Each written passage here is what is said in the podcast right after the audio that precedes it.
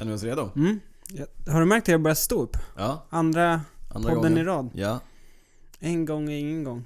två gånger är en Tradition. gång, gång. Kul.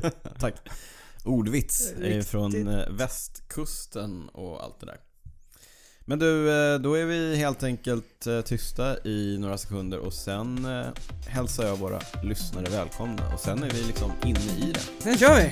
Yes!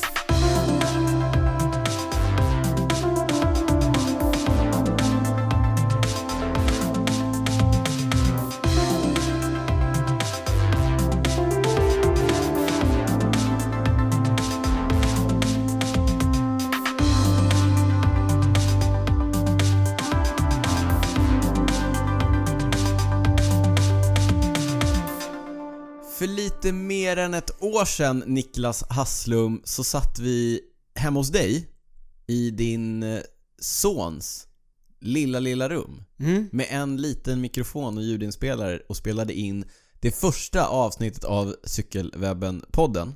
Idag står vi här i Cykelwebben-podden-studion och välkomnar er, kära lyssnare, till det 36 avsnittet av samma podd. Mm. Nästan ett och ett halvt år sedan. Ja, vad fort tiden går. Ja, verkligen. Kommer du Och- ihåg, kommer du ihåg den Ja, gamla? då satt vi med varsitt glas rödvin faktiskt. Ja, vi började med rödvinet. En liten mikrofon som Mm. låg mellan oss. Satt Idag, bredvid varandra. idag dricker jag bara vatten. Du dricker någon typ av ginger beer här Ja, ser jag tog det som det bjöds på här. Ja, Mm. det var det som... Men eh, det, var vi det kan säga är att eh, vi har kommit en bit på vägen. Ja, vi pratade om det här innan och det var lite grann därför jag Mm. inledde som jag gjorde. Det, jag misstänkte att det var ja, därför. det har ja. gått eh, fort. Vi har kommit en bit på, på väg. Du, Mm. Niklas Hasslum, som jag sa. Jag heter Daniel Rytz och tillsammans är det vi som Det är Cykelwebben. Ja. Ja. exakt. Mm. Det är vi som har podden liksom. Ja, det är liksom vår podd Ja. kan man säga. Ja, Man, men, kan, man, kan säga så. men, men så här, det är vi som spelar in podden, men det är också ni som lyssnar på den som gör den till vad den är. Ja, Vilken konstig inledning det här blev, men Ja. jag tycker ändå att vi, vi kommer in lite i det. djupare diskussion. Ja, lite Blickade någonting. bakåt och tittade Och fram. tittar Mm. framåt. Eh, 36 avsnitt, eh, sex färre än Mario Cipollini har etappsegrar Mm. på Giro d'Italia. Mario Cipollini, han har inte bara vunnit eh, eh, i girot. Ja, han har vunnit eh, på touren, han har vunnit VM va? Han har vunnit VM, han har vunnit Gent Wevelgem, Just det. som är en av de stora vårklassikerna och eh, det ska vi prata lite mer om här Mm. senare i podden. Det är Du- ju klassikersäsong. Det är vår. Mm. Eh, Och klassikersäsong. ja, klassikersäsong, Det ja. var vår ett tag. Mm. Och då, Men nu är det vinter ja igen. men det var vår för en Mm. typ en vecka sedan och Ja. då var alla, alla som cyklar Jaha, var jätteglada. för Det att var, vår. det var racercyklar på vägarna. Ja, det I var februari. Det, Helt händer inte ofta. Nej, verkligen inte. Och jag går ju inte efter termometern, jag går ju efter kalendern. Så Mm. att jag cyklade inte racercykel i Ja, februari. men det var många som var ute. Det Mm. var ju sol. Det var ju, jag tror i södra Sverige var det nästan 10 grader. Mm.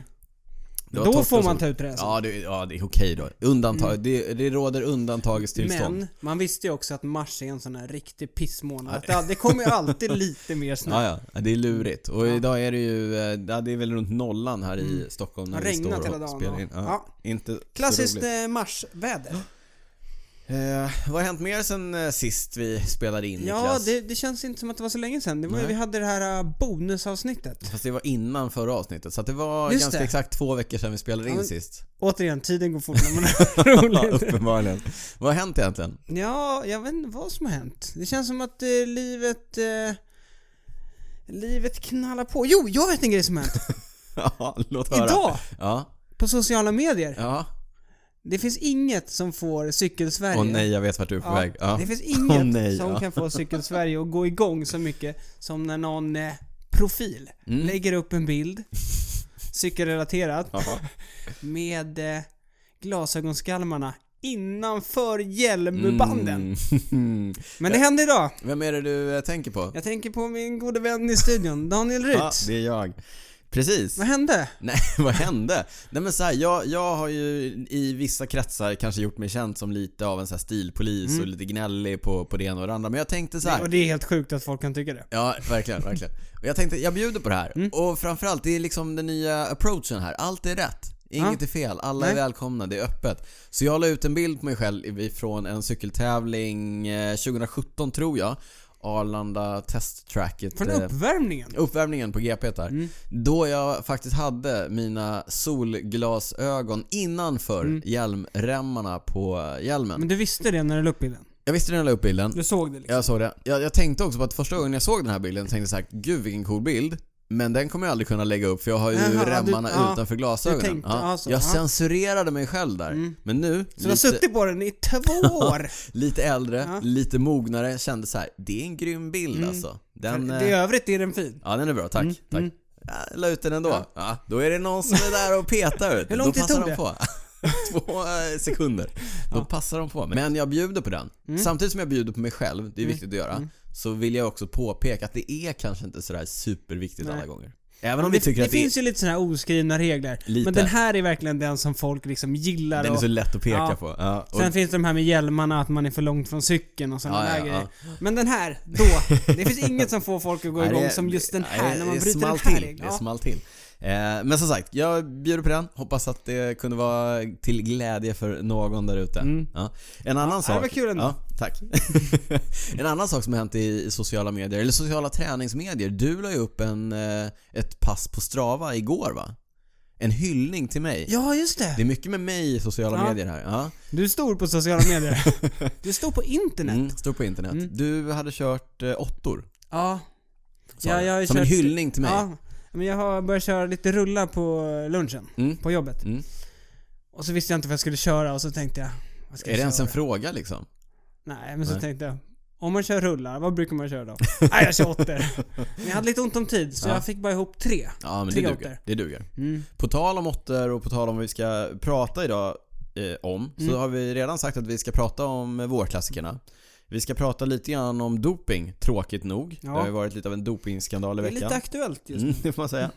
Men eh, tillbaka till rullarna. Jag kommer snacka lite träningstips. Jag har nämligen fått en fråga på Twitter, ett annat socialt medium. Det är stod där också? Ja, det stod Ja. där också. Inte Mm. lika stor. Men jag hade fått en fråga. Jag är kanske inte lika frekvent där. Frågan kom i mitten av februari. Upptäckte den igår. Eh, Men jag tänker att jag svarar på den i podden, för jag har ju som en Ja. egen plattform här. Ja. Så jag kan nå ut till flera. Så att istället för att svara på Twitter så kommer svaret här i podden. Ja.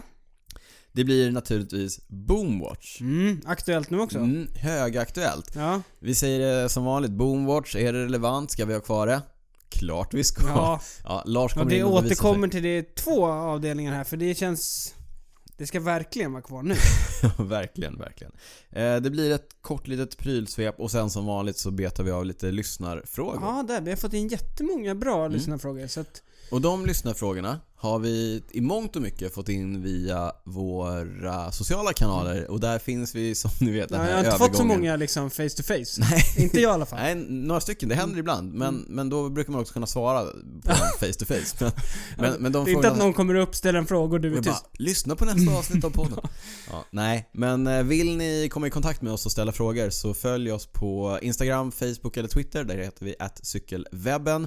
Det går också naturligtvis bra att mejla till oss på info.cykelwebben.se. Vi pratade Twitter, där är Niklas Mm. mer frekvent än mig. Han heter cyclingnico. Mm. Vi snackar lite Instagram och där, eh, om ni vill se mig i, göra bort mig stilmässigt då, så är det bara att gå in Se på, Daniel bryta regler. exakt, gå in på snabela drytz. Ja. Eh, Så kan ni titta där och peka och håna och, Mm. och skratta. Titta. Skriv gärna en kommentar på bilden också. Skriv gärna en kommentar och Ja. säg att ni har noterat det här och hört i podden och så vidare. Men du Niklas, då, eh, vi har berättat vad vi ska prata om. Nu eh, ska vi ta och prata om det då kanske? Ja, absolut. Vi har ju som tradition här att vinner man svenska mästerskap då omnämns man Mm. i Cykelwebben-podden. Och vadå svenska mästerskap? Det är sen gammalt. Och vi har ju sagt att eh, svenska mästerskapen i Zwift, eh, det vill säga virtuell E-racing. e-racing Mm. har gått av stapeln. Sanktionerat av Svenska Cykelförbundet faktiskt, Precis. första gången. Ja. Och segrarna kommer få köra runt i mästartröjor. Virtuella, digitala mästartröjor. Alltså på internet. på internet. Alltså de ja. får inte ha den på riktigt. Och de, de som vann herrklassen Mm. vanns av Samuel Brännlund. Som vi har pratat om. Ja, som den högst rankade Swift-cyklisten av alla. eller? Jag vet inte, jag har Nej. inte riktigt koll. På damsidan vanns SM av Cecilia Hansen, så stort grattis till Cecilia och eh, Stort Samuel. grattis och se till och eh, njut av året i I mästartröjan. mästartröjan. Jag kan säga att det var ungefär eh, 200 personer som körde de svenska Jaha. mästerskapen i Swift. Det är inte så lite det. Nej, och ganska mycket med tanke på vad som krävs, alltså tekniskt Ja. för att få Ja, ja. till det där. Så det finns minst 200 människor som är så pass tekniska att de kan få upp en Swift setup Ja, i Sverige. Härligt.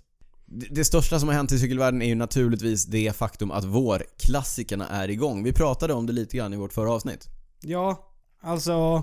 Vi har snackat om det ganska länge och vi har varit rätt så taggade, måste Ja. man ändå säga. Mm, rätt taggade. Nu är det igång. Vi kan knappt liksom bärga oss till nästa helg när nästa stora tävling drar igång. Mm. Men jag lovade ju också lite kort förra, förra avsnittet så, så surrade vi lite grann om, Ja, vad som gör klassikerna. eh, klassikerna Ja, så vad- stora och vad vi gillar mer och... Mm. Ja, men lite sådär. Men då antar vi lite grann att alla har koll på klassikerna. Mm, men det kanske inte alla har. Precis. Så jag tänkte bjuda på en liten sammanfattning av vad vårklassikerna är. Spännande! Mm. Nej men vårklassikerna, som, det, som ni förstår så är det ju då en samling tävlingar som går på våren och som har historia bakom sig. Kort kan man väl sammanfatta det som att det finns eh, kullerstensklassiker Mm. och det finns ardennerklassiker. Kullerstensklassikerna går i eh, ett område i, i Belgien, gärna Flandern, Mm. där det, finns, det är mycket små vägar, det är lite Så här, gatsten, my- mycket kullersten. bat- betong eh, också du vet. De kör inte Ja, så mycket... vägbeläggningen. Ja, Nej, väg... de är inte så mycket för asfalt. Nej. De gillar betongblock. Ja, det ligger betongblock där. Vilket också är risky, vi har sett en hel del vurper, man Mm. fastnar i den här skarven Ja. emellan och så vidare. Men det är ju det är tekniskt svårt, det är, man måste hålla sig framme, positioneringen är superviktig. Det är mycket korta... Backarna är så korta och smala så att det, så är man Exakt. inte långt fram och någon stannar, då är det... Ja, det är Då är det tufft. kört. Korta branta backar. Eh, och sen då när man är färdig med kullerstensklassikerna, då är det dags för ardennerklassikerna. Mm. Eh, och de går, som namnet lite grann antyder, i Ardennerna, Ja. som är en bergskedja va? Ingen häst. Ja, nej, ja fast den, den kommer också. Ja. Som namnet antyder. Det är en liten eh, bergskedja va, i eh, Precis. Belgien. Mm, Belgien. Eh, och där går de här eh, Ardenner-klassikerna. Men Mm. Kullerstens-klassikerna då, det är om vi sammanfattar dem eller bara rabblar igenom Ja, dem. kör. Omlopp Hetnyhögsblad som gick nu i helgen, Kurne Bryssel Kurne som också gick i helgen. Le Samyn, E3 Harelbecke, Gent Wefelgem, Dvarstor Flandern och eh, Flandern runt, Schelde Price och slutligen Paris-Roubaix. Som för övrigt går i Frankrike. Frankrike, precis. De andra går i, i Belgien och det här är alltså då De går från den 2 mars som Het Noisblad går fram till Paris-Roubaix den 14 april.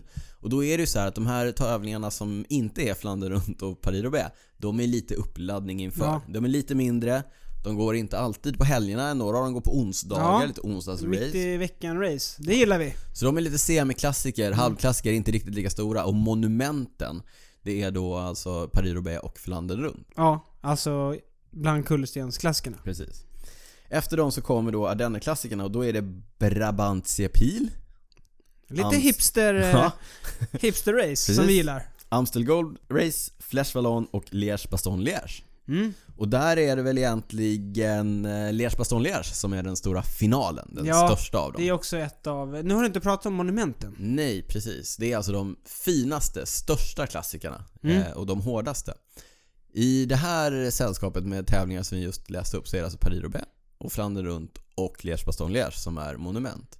Mm. Någonting vi har missat här som varken är kullerstensklassiker eller ardennerklassiker. det är Men de, som är på våren. men som är på våren. Det är de italienska tävlingarna. Strade Bianche som går nu på lördag när vi spelar in men i lördags när Ja. ni lyssnar antagligen. I eh, Toscana. Ja, Mm. och eh, det monumentet då Milano Sanremo som är den längsta klassikern med sina dryga 29 mil. Ja. Och den går nästan, nästan lite mer med eh, den neutral neutral vidare. start. Ja. Den går den eh, 23 mars mellan Milano och Sanremo. Nu blir det kanske lite rörigt igen, men först har vi kullerstensklassiker med lite italienska klassiker Ja, de, insprängda. de, ja, de Strade trycker sig in, Bianchi är ja. ju speciell, den går ju på grusvägar. Mm. Det betyder ju vita vägar va? Mm, de har i Toscana har de eh, så här det är någon slags Grus. grus. Ja, liksom, grus. ja. Mm. På Eh, TV ser det fint ut, men det Mm. kan jag berätta att det är inte jättefint. Nej. Det är rätt tufft. Och det är jättekul när det regnar som det gjorde förra året. Då Då blir det blir tufft. det jättebra TV-bilder också. Verkligen. Och sen då Ardenner-klassikerna som är tuffa på ett annat sätt. Där är kanske underlaget inte så tufft, men det är svängigt hela dagarna och l- tuffa backar, Ja, branta. lite längre backar än vad det är under eh, kullerstensklassikerna. Mm. Men det är ju aldrig de här milslånga klättringarna utan här snackar vi backar som kanske är, är max 3 km långa. Mm. Ehm, I Ardennerna, ja, där är det lite längre. och i Kullerstens eh, Flander-klassikerna så snackar vi backar som är upp mot kilometern långa som, som längst. Men branta, tuffa och gärna gatstensbelagda. Men det man ska säga är ju att det är inte så många som dubblar. Alltså som kör både kullerstensklassikerna och sen Det är Ardennerklassikerna. lite olika typer av cyklister. Dels är det lite olika typer av cyklister, men sen blir det ganska lång... Eh, ja men man är igång från nu till, när sa du att eh, Liège var? Ja, det är ju början av mars till, Ja. eh, till slutet av april Ja, egentligen. så det är tufft att hålla formen.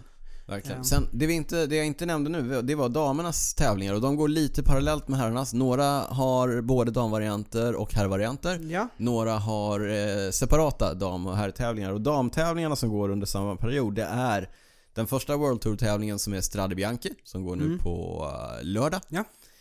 I lördags när ni lyssnar. Eh, sen har vi Ronde van Drenthe, Trofeo Alfredo Binda, Drisdage de Pan, eh, de Pans tredagars som är en endagars tävling. Oerhört förvirrande. Ja, väldigt snurrigt. Damernas Gent-Wefelgem, damernas eh, Flandern runt, Amstel Gold Race, Flash Vallon och Liège-Bastogne-Liège. Ja, så att det är... Det är nästan eh, väldigt likt Ja, herrarnas. Det är digert. Men damerna har också kört tävlingar i helgen som var förra Mm. helgen. Och, eh, men det är då inte World Tour-tävlingar, Nej. alltså inte på den högsta nivån. Damernas World Tour, eller World Tour säsong drar igång nu till helgen. Precis. Eller alltså helgen som har Så. varit. Oerhört förvirrande. Ja. Men du, tillbaka till tävlingarna. Det här är alltså tävlingarna då som går på våren. Mm. Några har redan gått. Nu tycker jag att vi pratar lite Ja. om de som har gått. Omlopp Het Noisblad är ju den första kullerstensklassikern. Mm. Den som faktiskt kickar igång vårsäsongen. Precis. Eh, ökenracen i all ära. Australien, Argentina, Mm. Colombia i all ära. Ja, Men det är nu cykelåret börjar. ja. Ja. Eh, Så det var tävlingar på lördagen. Då körde både herrarna och damerna Mm. omlopp Het Noisblad. Mm. Där fick vi på här sidan Quickstep. The, The König König Quickstep. Quickstep. Wolfpack. Ja, de, har, de vann allt förra året. Ja, De har vunnit ganska mycket det här året. ja. Och de vann igen. Mm. Genom Stenek Stybar. Den tjeckiska cyklisten som tidigare har varit cykelcrossvärldsmästare inte mindre än tre gånger. Ja, Men som, eh, det här får väl ändå räknas som en av hans större segrar Ja. på, på landsväg. ja, han är en av dem som eh, haft lite svårt att slå igenom i Quickstep. Han har ju Mm. liksom ofta varit med där framme men det är alltid någon annan som attackerat liksom. Mm. Han har suttit med där framme men inte riktigt tagit de stora segrarna. Mm. Nu, Bonen har lagt av, Terpstra har bytt liksom. Då Det- steppar han upp. Det har vi faktiskt, vi har ju faktiskt pratat om det tidigare. Vad kommer hända med dynamiken i Mm. Quickstep när bånen lägger av? Och det är, faktiskt så är det ju så Fler- att det fler ser, fler tar chansen Ja, liksom. Mm. Fler olika vinnare. Mm. Och de kan Eh, spela flera kort. Men han verkar vara i superform. Ja. Han vann ju en etapp i eh, Vuelta Algarve också Mm. där. Men som sagt, han vann med en snygg soloattack med några kilometer kvar. Mm. Jag trodde faktiskt att König skulle göra bort sig. Därför att eh, Stibar var den enda de hade i tätgruppen, Mm. så de la alla sina ägg i Stibar-korgen. Mm. Men han levererade. Han levererade. Ja. Det var en snygg attack. Han Mm. attackerade vid rätt tillfälle. Wellens attackerade först. Van Haverma täckte den och då gick han. Mm. Jag trodde ju att eh, Lutsenko skulle täppa luckan. Lutsenko som eh, såg ut och har gjort sin vinterträning. Han såg... eh, Vi pratade om Alexej stark Lutsenko ut under i, tävlingen. precis, i Astana. Han, han såg verkligen helt oberörd ut fram till det kritiska Ja. läget. Men då hade han inte Det var riktigt någon benen. eh, rolig sekvens där. När det de kom ju något, någon slakmota. Mm. Det var fyra, fem mil kvar och han låg och drog. Och liksom körde på och man såg att alla bakom typ inte kunde hålla hjul och han Nej. tittade bakom. Hallå, ska någon annan hjälpa till att dra? Jag drar ner till Men de kiosken. bara, "Vi någon som pallar inte." Ja, exakt. Ja, han såg... eh, Han vände sig om och Greg van Avermaet räckte ut tungan Ja. för att visa hur trött han var. Det, ja, det var roligt. Skönt, eh, det var inte så här, nej jag tänker inte dra. Det var mer att tungan, Ja, jag är trött. ja. Såg, eh, så, nämnde du att eh, på damsidan var det Chantal Black i. Bols Dolman som tog hem det? Det var det i alla fall. Inte helt oväntat, Nej. Bolt Dolman är ju lite av eh, motsvarigheten till De König. De har många duktiga Oerhört cyklister. starka klassikeråkare. Vad kul, men just med omloppet Noisblad. Mm. Då fick vi se Moor van Gerardsbergen för Mm. första gången i Mm, år. mm. Det är alltid mycket folk. Eh, Det är folkfest. Belgarna gillar ju cykel, Mm, kan man säga. Man kan säga det. Ja. Ja, Det är lite som en populär idrott ja, i, men i eh, Belgien. hon gick ju ifrån där. Mm. Moor van Gerardsbergen är ju en utav de här eh, mest Kullerstens, ikoniska eh, klättringarna, klättringarna. Mm. i, i Flandern. Eh, man kör upp för en kullerstensbacke och upp till kapellet där. Och hon gick solo därifrån. Mm. Ruggigt stark. Mm. Körde solo på slutet. Soloseger även där. På tal om soloseger, på söndagen kördes Kürne, Bryssel-Kürne och även där soloseger, även där seger för De König Quickstep den här gången genom den luxemburgiske mästaren Mm. Bob Jungels. I tempodräkt va? Ja, ja, alltid tempo direkt. Ja, eh, längre attack den här gången. Han gick väl med nästan 10 km kvar Ja, om jag inte minns 16 fel. tror jag till och med. Mm. Oj, så långt. Återigen, jag tror de gjorde bort sig där för Djungels var iväg tillsammans med, vilka var det nu? Oliver Nasen, Mm.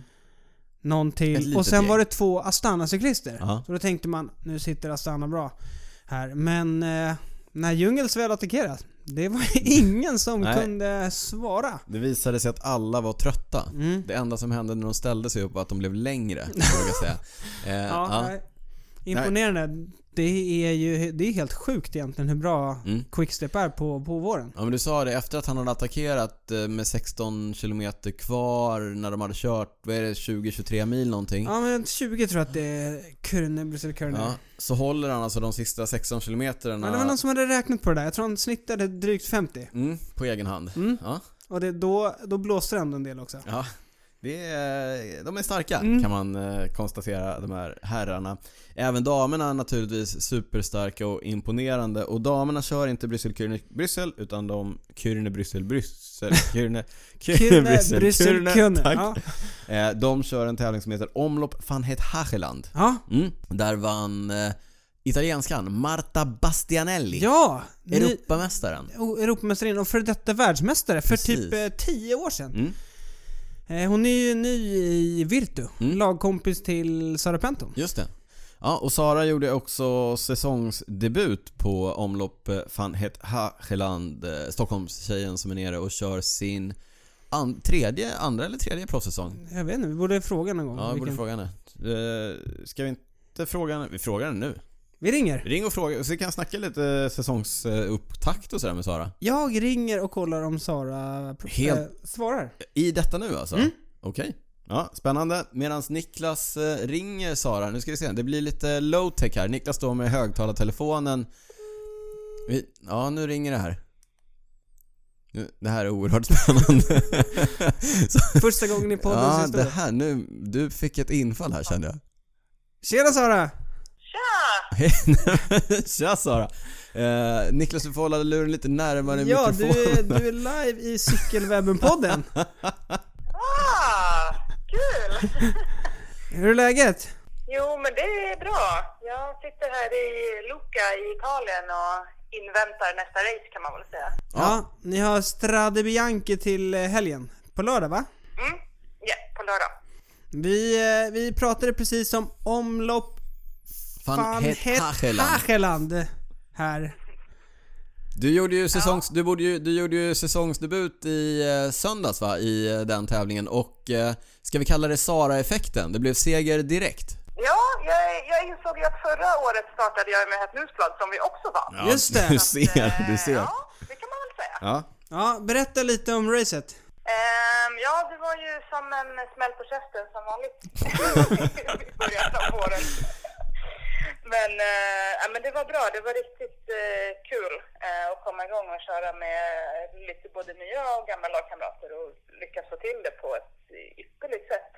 Ja, Alla kunde göra det de skulle och avsluta på bästa vis. Så att det var ju ja, grymt kul verkligen. Det måste ju vara inspirerande att köra med en så duktig spurtare i laget som eh, Marta Bastianelli där man vet att om det blir det spurt så har ni alltid stor vinstchans. Ja, ja men absolut, verkligen.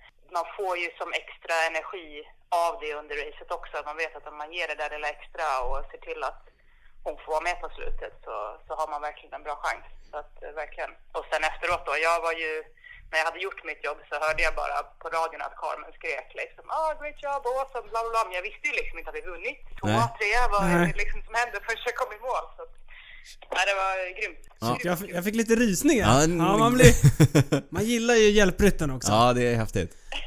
Ja, vad härligt. Men jag tänker, med en så bra spurtare i laget, kommer, du gillar ju att gå i eh, utbrytning och sådär. Kommer det bli liksom, kommer du få en annan roll i år eller? Ja, på sätt och vis. Ehm, jag kommer att köra ett lite annat program än vad jag har gjort tidigare.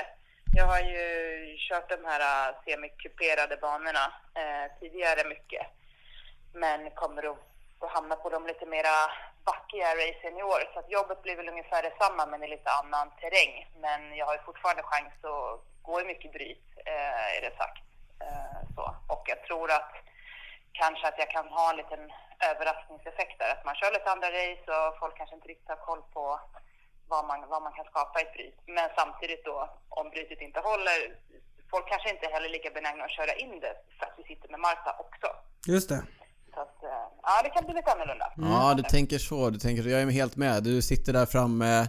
Klungan vill inte köra ihop det för Marta Bastianelli sitter där och sen, sen tar du, den tar du det helt enkelt. Jo, exakt. Ja, Det jag bra plan ändå. Du kan också sitta och säga där framme att Ja, jag har Marta jag, där jag bak. tänker inte dra, jag har Marta där bak. Exakt. Win-win. Det är Ja. ju en eh, superskönt att kunna säga det för att vad, vad ska någon argumentera emot? Liksom? Nej, Nej, exakt.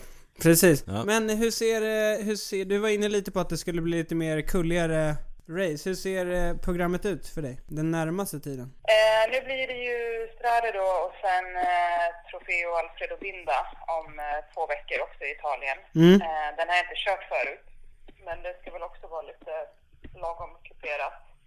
Så får jag lite break och sen kör jag en lite plattare Health Aging Tour i Holland innan det blir de här Ardenner-klassikerna med Amstel, Flesh och Liège. Grymt! Det är perfekt, du fyller rakt i. Jag har nämligen gått igenom vilka som är vilka klassiker och du, det är jättebra. Nu vet våra lyssnare exakt vad du pratar om när du säger Amstel, Flash och, och Lear. Så att det är toppen det här. Ja. Vilket content du skapar Ja. Niklas. Ja. Helt perfekt. vet man ju aldrig. Jag menar, jag skulle ju gärna köra Flandern och Gent och Depan och alla de där också, men man kan inte köra allt. Eh, men tanken var ju inte att jag skulle vara, ha varit i Belgien tidigare i veckan heller, så att eh, det Mm. finns en plan, men eh, så får vi se vad det blir. Ja. Man anpassar sig as you go along. Men du Sara, hur känns, eh, hur är formen i år? Du, eh, som du sa, det är som en eh, käftsmäll när man kommer igång och det är klart att det är skillnad att gå från vinterträning och dyka rakt in i de stora vårracen. Hur, eh, hur eh, har liksom vintern gått? Hur känns formen? Hur känns det inför säsongen? Men jag tycker att eh, vintern har gått bra. Jag har liksom betat av pass för pass och inte funderat så mycket kring det. Eh, men det är klart att man alltid är lite så osäker och man har inget att riktigt jämföra med. Nej. Men sen mitt sista läge där innan jag träffade teamet så var jag på Gran Canaria och då började det kännas som att jag hittade mig själv igen. Och nu då de första två racen, så då, även om man är nervös innan och man vet inte riktigt och det tar ju lite tid att komma in i det så känns det ändå som att jag kommer ihåg hur man gör det här med att tävla. Ehm, så att, eh, det känns ganska bra tycker jag. Ja, grymt. Superkul, vi tycker att det är jätteroligt. Det känns som att du har etablerat dig just nu som en eh, duktig hjälpryttare och uppskattad eh, lagspelare. Vi, eh, Det ser- vet vi inte. Det, nej, vi? det vet vi ingenting om. Vi Vi, förutsätter vi gissar. det. Vi Vi, gissar. ja. vi, vi vet ju, vi vet ju hur, hur snäll och trevlig du är, så Ja. vi, vi förutsätter det här. Eh, men ska, ska vi bara, ska vi, vi tacka för idag och Ja. hoppas kanske få återkomma. Ja, men gärna. Och du, vi hoppas också på kanske få cykla med dig någonting i sommar och då med kanske lite trevligare utgång än senast. Ja, eh, jag hoppas att jag får behålla alla tänder i år. Ja, vi håller alla tummar vi och, har. och andra kroppsdelar. Ja. Ja. ja, men du Sara, tusen tack för att du var med. Kul Ja. att du svarade. ja, och stort, Ja, eh, men stort, vad stort... härligt att ni ringde. Ha en fortsatt bra poddinspelning. Ja, men härligt. Tusen tack. Vi Ha det- hörs Sara. Ha det så bra, hejdå. Hej. Hej då! Ja, gud vad kul. Var- Första gången i poddens historia. kan bli ett återkommande inslag Ja. där. Jag hoppas att vi får ihop det med ljudet och att eh, våra eh, lyssnare har överseende med den lite low-tech eh, versionen här. Han var med- bra på att fylla i det du har sagt också. Ja, Hon liksom det var, bekräftade. det var perfekt. Ja, Lysa att Ja. jag inte står och ljuger här. Nej men eh, kul. Sara Mm. körde som sagt eh, både den här omlopp van het Hageland och Le Samun som är en lite mindre tävling som gick eh, mitt i veckan. Mm. Nu i veckan som gick. Eh, den enda andra svenskan på startlinjen var ju också vår kompis eh, Hanna Johansson. Just det. Som eh, har åkt ner till Belgien och också kör där i ett lite mindre lag som heter Multum, Multum Accountants Ja. va? Mm. Exakt.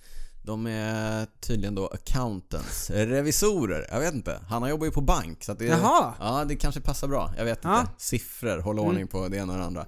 Ja, han hade en lite tuffare start. Mm. Jag pratade med henne i veckan och hon berättade att det var Dels så har han haft lite problem med sjukdom, hon är lite krasslig så Mm. att det, då är det tufft att, att köra hårt. Men eh, hon sa också det att nivån är kanske en lite annan än den hon är van vid Mm.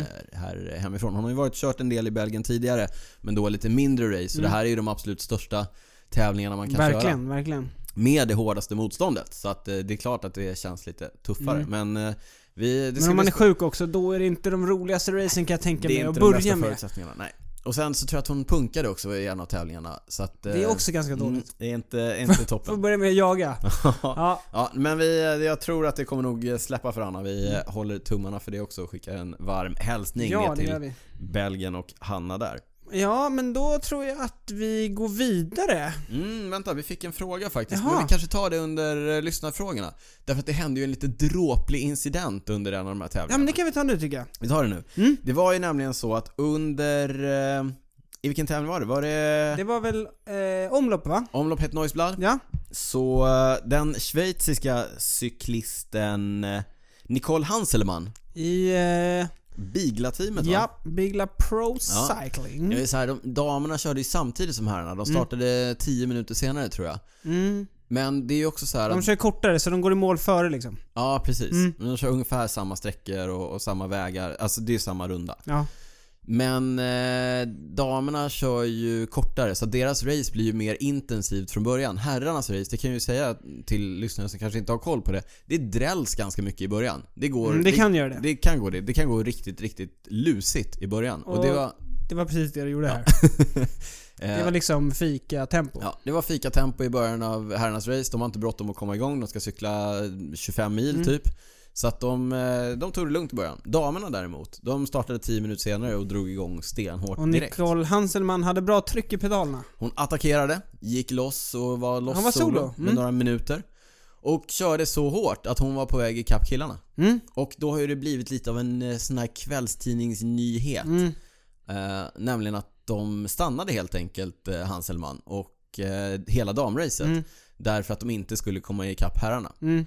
Och vinklingen som har gjorts lite grann då, det är ju så här, åh ingen respekt för damidrott och så vidare. Och vi, det säger vi med eftertryck. Mm. Vi stöttar allt som stöttar damidrott och vi motsätter oss allt Mm.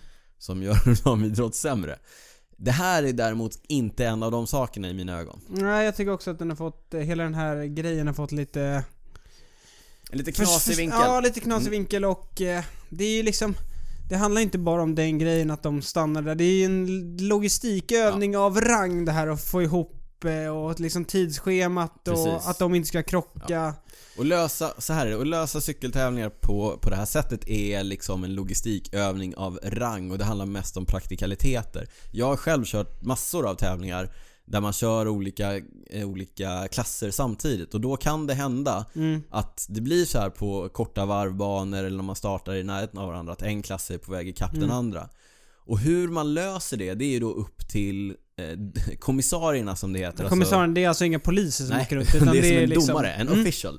Eh, och det är upp till kommissarien att bestämma hur man löser det. Ja, de sitter ju i en bil Ja, precis. Om längst man, fram liksom. om man tänker sig att Hanselman är i kapp herrarna, då finns det ju två saker att välja på. Antingen så viftar man ner herrracet helt och hållet och så Mm. får de eh, stanna. Och så kör Hanselman förbi Mm. och så får man släppa förbi hela damklungan som kommer några minuter bakom, inklusive hela deras karavan med Alltså, bilar karav- ja, kara- och, och, bilar, alltså, precis. bilar, ambulanser, allt det här. TV-team också, den, Ja, ja. den gick ju på Ja TV. men precis, allting. Alltså allt, hela det här eh, entouraget ska Ja. förbi herrarna. Och risken då när herrarna sen drar igång och börjar köra på hårt, det är ju att de kommer ikapp damerna igen och så har du samma problem Mm. igen. Så att lösningen här var helt enkelt att stanna ner damerna, Mm. säga åt herrarna nu får ni skärpa er och köra på lite annars så... Man vet inte heller hur långt de skulle köra på samma väg innan de liksom Nej. skulle ta olika Nej vägar men sen. precis. Ja. Så att det man gjorde var att man pausade damerna, eh, lät herrarna komma, i- komma ifrån en Mm. bit så det blev ett större lucka igen. Och sen släppte man på damerna igen. Hanselman med samma avstånd Mm. igen. Men det är klart man tappar motivation och sådär, det är inte Ja. så. Men det ska ju också sägas att hon hade inte hållit undan ändå. Nej, det det vet vi med säkerhet. Eh, det där har faktiskt hänt exakt mig också. Jag har varit loss eh, ensam för en klunga. Blivit eh, feldirigerad av eh, tävlingsledningen så att vi cyklade fel. Nej. fick vi vända in på rätt väg Mm. och så stannade de hela klungan och så, Ja. jag, så kom jag ikapp klungan istället. Och så fick jag då de här, vad hade jag, 35 sekunders Mm. försprång någonting. Men det var ju bara att sitta upp och låta ja. det, det är sånt som händer. Det här har ingenting med herrar eller damer att göra. Nej, det har det faktiskt inte. Det är praktikaliteter. Så att eh, vi hoppas att vi har rätt ut det för våra eh, lyssnare här. Om vi går vidare med en eh, annan tråkig nyhet. Ja. Eller, det här var ju dråpligt och Ja. man kan säga det som tråkigt. Men, Men- tråkigt på riktigt. En riktigt tråkig nyhet är ju eh, i samband med dopingskandalen som blossade upp nu under skid-VM. I Seefeld. Seefeld i Mm. Österrike. Mm. Så eh, vi har ju sett spektakulära bilder. Ja, det är väl ingen som har missat den här... När de, när de kommer in med, med eh, mobilkamera Mm. in i en av de österrikiska skidåkarnas eh, rum va? Ja, han sitter med Han sitter med nål i- nål i armen. Man kan, det är svårt att bli tagen på mer bar Ja, gärning. en... Vad han blir ja. En, det är svårt att ha kakorna, händerna mer i kakburken. Ja, det är verkligen... eh, Det är svårt kört att ha för dig. brallorna längre neddragna. Ja, den är tuff att förklara sig, förklara en, sig en intressant grej här är hur den där eh, mobilfilmen har läckt ut. Läckt ut jättemycket. Ja, Ja. Nej, han blir tagen på bar gärning kan man säga. Verkligen. Eh, Men det som händer och det som är intressant ur ett cykelperspektiv och tråkigt ur Mm. ett cykelperspektiv det är ju att den här läkaren som har varit i mitten av den Han här har dopingringen orkestrerat hela Ja, den här exakt. dopinghärvan. Han har ju också haft cyklister Mm. som eh, Hittills klienter, eller patienter, precis. Och det är österrikarna Georg Preidler och Stefan Denifel Mm. som ingen av dem har åkt fast i dopingtester. Nej, precis. Eh, Men båda två har i polisförhör. Ja, jag tror Preidler mer talade ut i någon tidning för att han misstänkte att det skulle... Att det skulle komma? Ja, med tanke på att det, det handlar ju om blod... blod- Bloddoping. Mm. Eh, så att förmodligen så är det inte jättesvårt att koppla... Det finns ett antal blodpåsar, Ja. 30-40 stycken Mm. har jag hört någonting om. Det innehållet i de blodpåsarna innehåller ju så att säga DNA. Blod med som DNA. inte är omöjligt att spåra vars eh, ägare man kan Nej. säga att man kan spåra. Det som eh, skillnaden de två emellan är ju då att Denifel som eh, kör i, eller har kört Mm. Han i... körde ju i uh, Aqua Blue Sport som Ja. jag har snackat om en del. Sen han, skulle han köra i CCC. Ja, han skulle köra för dem i år. Mm. Men vad jag förstod så skrev han på ett kontrakt och sen De så... rev upp det innan eh, nyår. ja, av han upp. personliga skäl. Ja, precis. Och jag läste en intervju med managern i CC och det var verkligen inget, inget doping Nej, det var inget eh, konstigt, liksom, nej. kring det. Utan det var personliga Mm. Problem. Så att, Men, men eh, Denifel hade alltså dopat sig via bloddoping, Mm. eh, har erkänt det i, i polisförhör. Eh, Georg Preidler däremot, han har egentligen bara det man gör när man bloddopar sig, det är ju att man tömmer sig på blod när Mm. man är i god form va. Sen fyller man på med det blodet när man är i lite sämre form, Mm. så blir man i bra form igen. Det var inte alls förenklat förklarat, men ungefär så. lite var det. Men det Preidler har erkänt är att han har tagit ut blod, Mm. inte att han har tryckt in det igen. Så att man kan Nej. säga att han har egentligen inte dopat sig, men han har förberett sig Ja. för att dopa sig. Det Oavsett är vilket. tveksamt att hålla på sådär Nej, med det är inte bara tveksamt, nålar. det är helt fel. Mm. Det, är, det är bara helt fel. Eh, Och Hans intention har ju, ja, det sa han ju själv också, det har ju varit att dopa sig. Ja. om jag har förstått det rätt så har han eh, på stående fot dragit sig tillbaka från eh, proffscyklingen Och- eh, i och med ja. sitt erkännande. Han eh, tackade för sig. Det var väl eh, rätt sak att göra. Men ja, eh, det, det, ja, det kan man eh, tycka faktiskt. vad tycker du om hela grejen? Alltså det som jag tycker är lite sådär beklämmande. Det, dels är det ju, man blir alltid knäckt när det kommer någon sån här eh, grej. Man, man tror ju ändå att det är lite liksom ganska Ja. så rent och så. Och de här har ju, ingen utav de här två, Mm. har, det har ju inte visats i deras, de har ju såna här eh, biological passports. Precis. De, man kollar liksom blodvärdena och så. Blodmarkörer, eh, ja, och ingenting har synts. Nej. Nej. Men sen en sak som också är ganska intressant är att eh, vi eh, västvärlden som har det ganska bra ställt sådär. Mm. Vi brukar ju ofta liksom säga att men de som dopar sig kanske är de som inte har så mycket att förlora och Ja, de från exakt, lite, som har det lite exakt, ja. sämre och så. Men både Jörg Preidler och Stefan Denifel antar jag har ganska stort socialt nätverk. De tjänar ganska bra. Eh, uppskattade i laget Mm. och sådär. Eh, Mm.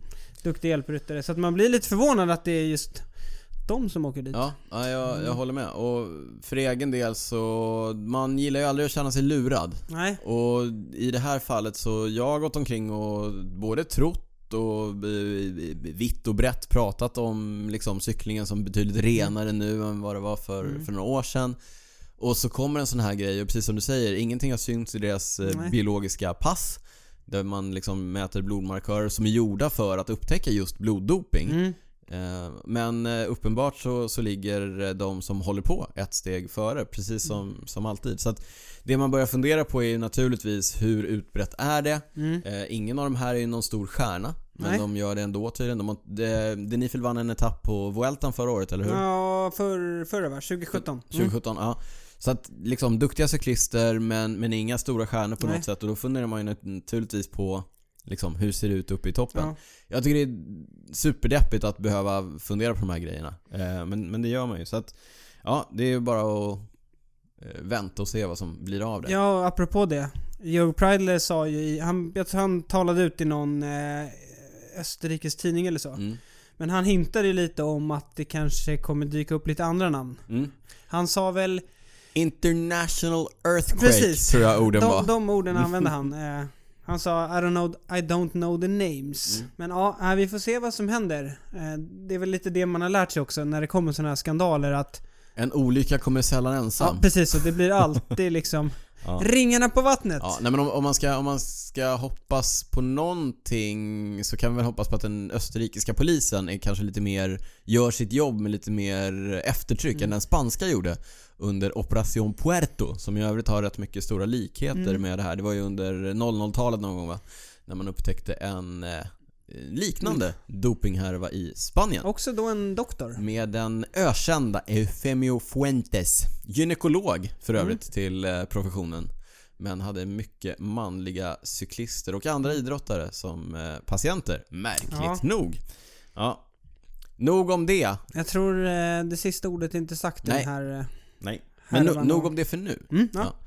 Vi går vidare till eh, något roligare. Om man vill bli bättre utan att dopa sig. Då ska man träna. Ja, då måste man träna. Träna hårt. Träna hårt. Du sa tidigare att du har tränat sex dagar i sträck nu. Ja, vi, vi käkade middag här ihop. Mm. Då tog jag en öl. Ja. Då tänkte jag, det är jag värd. Är du värd? Ja, jag har kört, kört eh, sex dagar i sträck. Eh, kontinuitet. Det är viktigt. Ja, det, är, oerhört jätteviktigt. viktigt. Ja. Eh, ibland kan jag nästan känna att det är viktigare än eh, kvaliteten på Mm. passen. Mm. Får man en kontinuitet, då brukar formen komma förr eller senare. Förr eller senare. ja, Ja.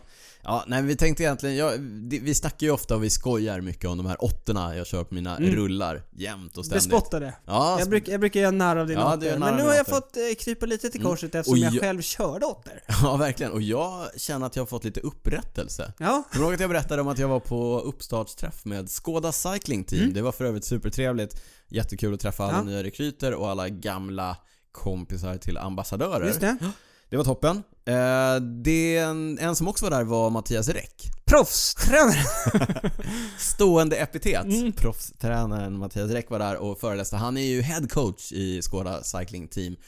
Det Han är headcoach lite överallt. Ja, precis, precis. Men eh, Mattias eh, berättade att åttor, det är, det, det är bra grejer det.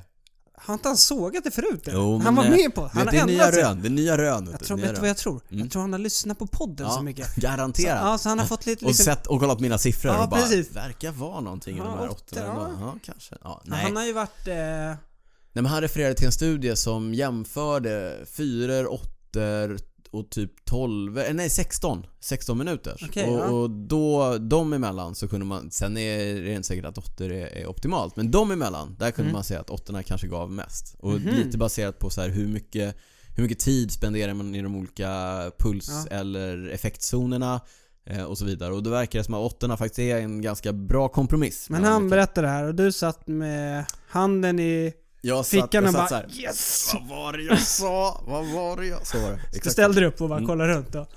Ja, Ja. exakt. Ja, nej, men jag, jag har väl länge haft det på känn att det här är det bästa man kan Mm. köra. Ja, alltså Ja. du har vetat det länge. Ja, ja, Det är bara kul att forskningen har kommit ikapp dig. Nej, egentligen är det väl, alltså det är väl så här för, för de allra flesta av oss som håller på på den här nivån Mm. som, som vi håller på och som jag tror att de flesta av våra lyssnare håller på så är det ju så att bara egentligen håller man sig till någon form av, som du säger, regelbunden Mm. träning med kontinuitet och någonting man gillar och trivs med att göra och som man, alltså det bästa träningspasset är ju det man kör. Så att gillar man att köra någonting och trivs med det och kan eh, trycka på lite extra Mm. kanske då och då och känna efter så, så funkar ju det bra. Men jag fick en fråga på Twitter Ja, just det. av Anders Sundberg Mm. som skrev till mig eh, för jättelänge sedan men jag har ju missat svara så nu tänkte jag att jag svarar i podden. Mm. Han undrar hur jag kör de här åttorna egentligen. Eh, därför att det är ju ofta mycket snack, hur hårt ska man köra, hur mycket ska Jaha, man jag tror ta i? är pårullar. Ja just det, på rullar. Ja, men hur mycket ska man ta i, vad ska man Mm. ligga på i puls, vad ska Ja. man ligga på i watt och så vidare. Och egentligen är det så här, min, min grundregel när jag tränar överhuvudtaget, det är egentligen att köra varje intervall precis så hårt som jag pallar. under den, liksom hur lång Under den är. given, Precis. precis, Du under kan ju inte köra en fyra lika hårt som en åtta. Liksom. Och sen, sen är det naturligtvis så att så kan man ju inte hålla på jämt för då skulle man ju köra sig ner i källan Mm. hela tiden. Ja.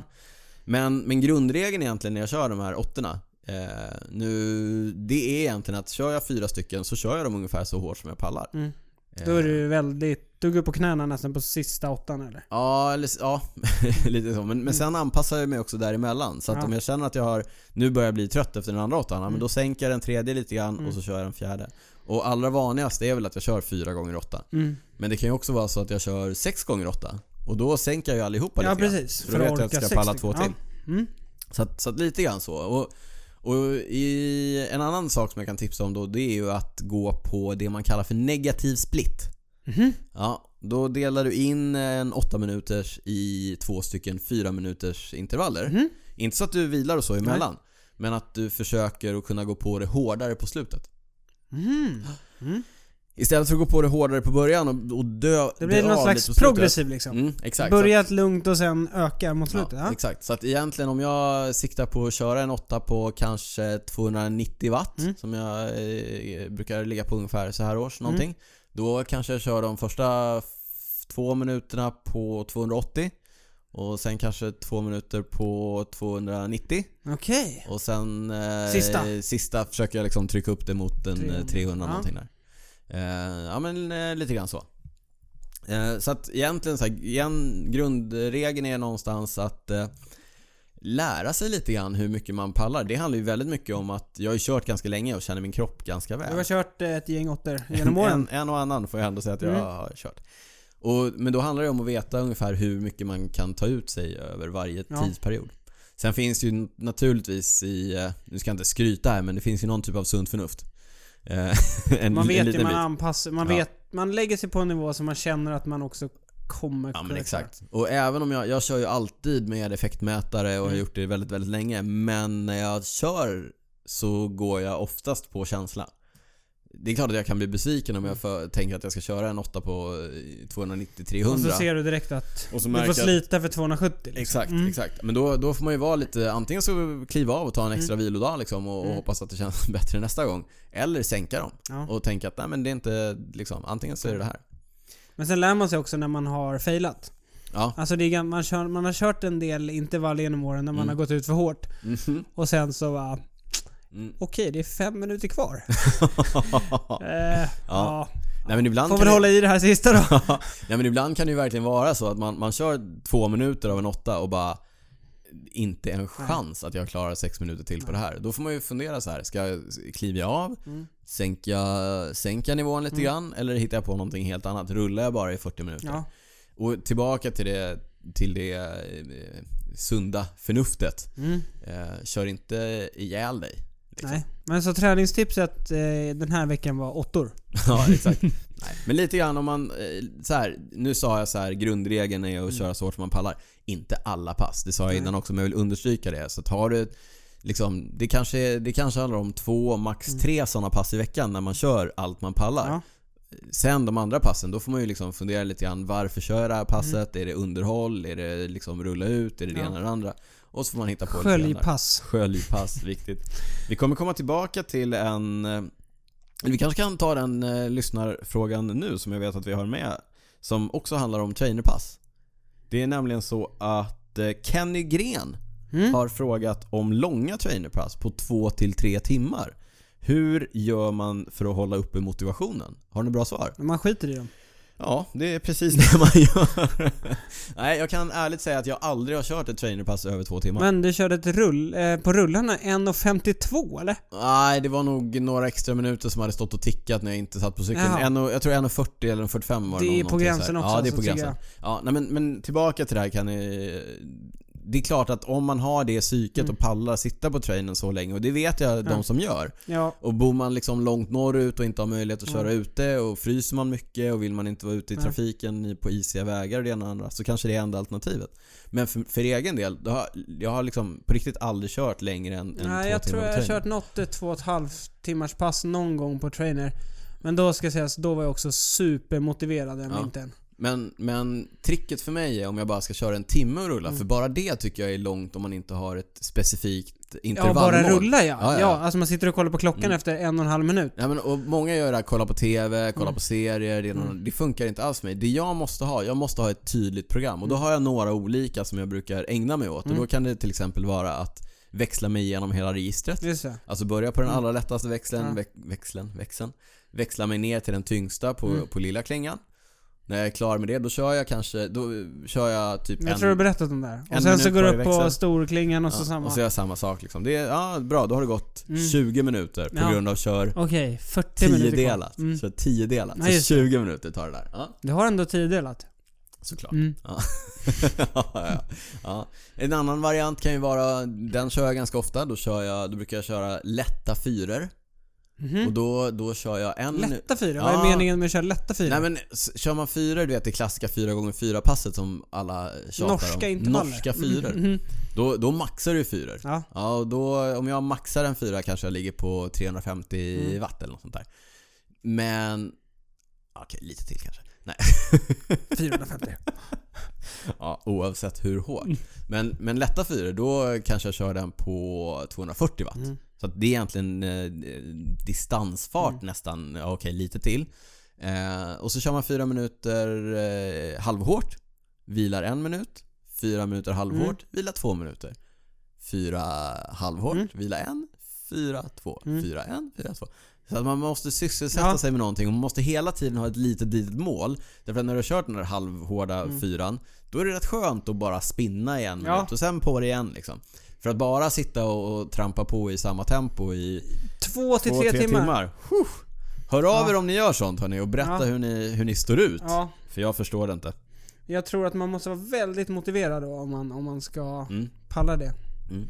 Eh, Men sen kan man säga också, det var lite som det vi var inne på här med kontinuitet och så, att liksom varje pass egentligen, ja men alla gillar ju att prata liksom vilka typer av intervaller och ska man köra åttor och sådär. Men jag, det här är också bra att köra lite olika. Inte bara köra åttor, Nej. Daniel.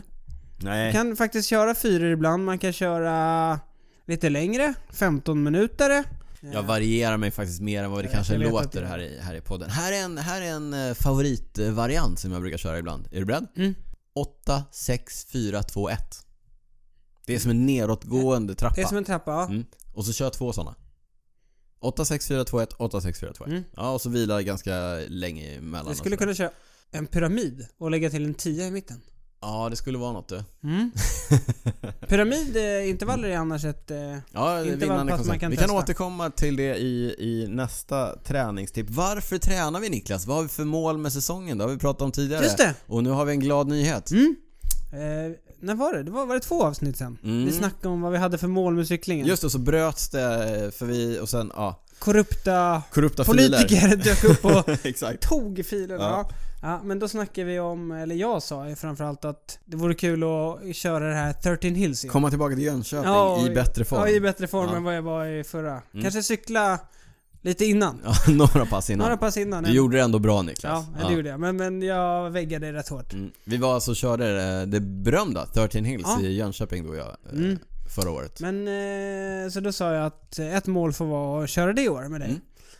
Men så har vi kollat lite och vi har inte sett Jag har inte någon sett info. Något. Nej, vi har undrat. Kommer det hända? Kommer ja, det hända? Hur, hur kommer det bli här? Har, har jag liksom lovat? Har jag satt Lovat upp ett, runt? Har har vi jag lo- satt upp ett mål som, som inte kommer bli av nu?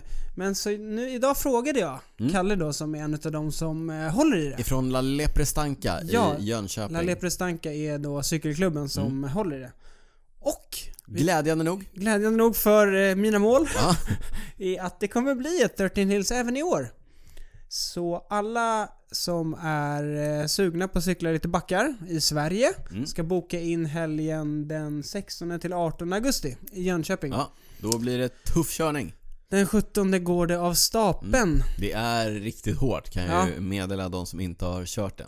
Det är, alltså för oss som bor i Stockholm, alltså backarna där nere, det är riktigt Ja, det är tuffa Och backar. om man, om man pratar i eh, vårklassikertermer så är det lite ardennerkänsla Ja. på eh, körningen där nere Ja. i 13 Hills. Så att vill man uppleva det lite mer på hemmaplan än nere i Belgien Mm. så kom till Jönköping den 17 Ja, augusti. och vi eh, kan... Vi är där. Ja, vi kommer vara där. Med största sannolikhet. Mm. Och vi rekommenderar alla att hålla ögonen öppna och boka. Det brukar gå åt ganska snabbt, platserna. Mm, det är bra sug. Ja. Uppskattat event och bra uppstyrt. Så håll koll på det om ni är sugna att cykla i backar. Mm. Ja. Något annat som är uppskattat och uppstyrt. Det är Boomwatch. Ja, Det är ett återkommande inslag Mm. i Cykelwebben-podden. Ända sedan, jag tror att det är många som har missat varför. ja jag, jag kan berätta det. Ja, Så här var det. Lars Boom, ja. han eh, körde ju i... eh, Den holländska, forna Ja, cykelcrossvärldsmästaren. apropå precis cykelcross. som Sten X Ja, Dybar. Ja, precis. Han eh, opererade ju hjärtat. Kommer du ihåg det?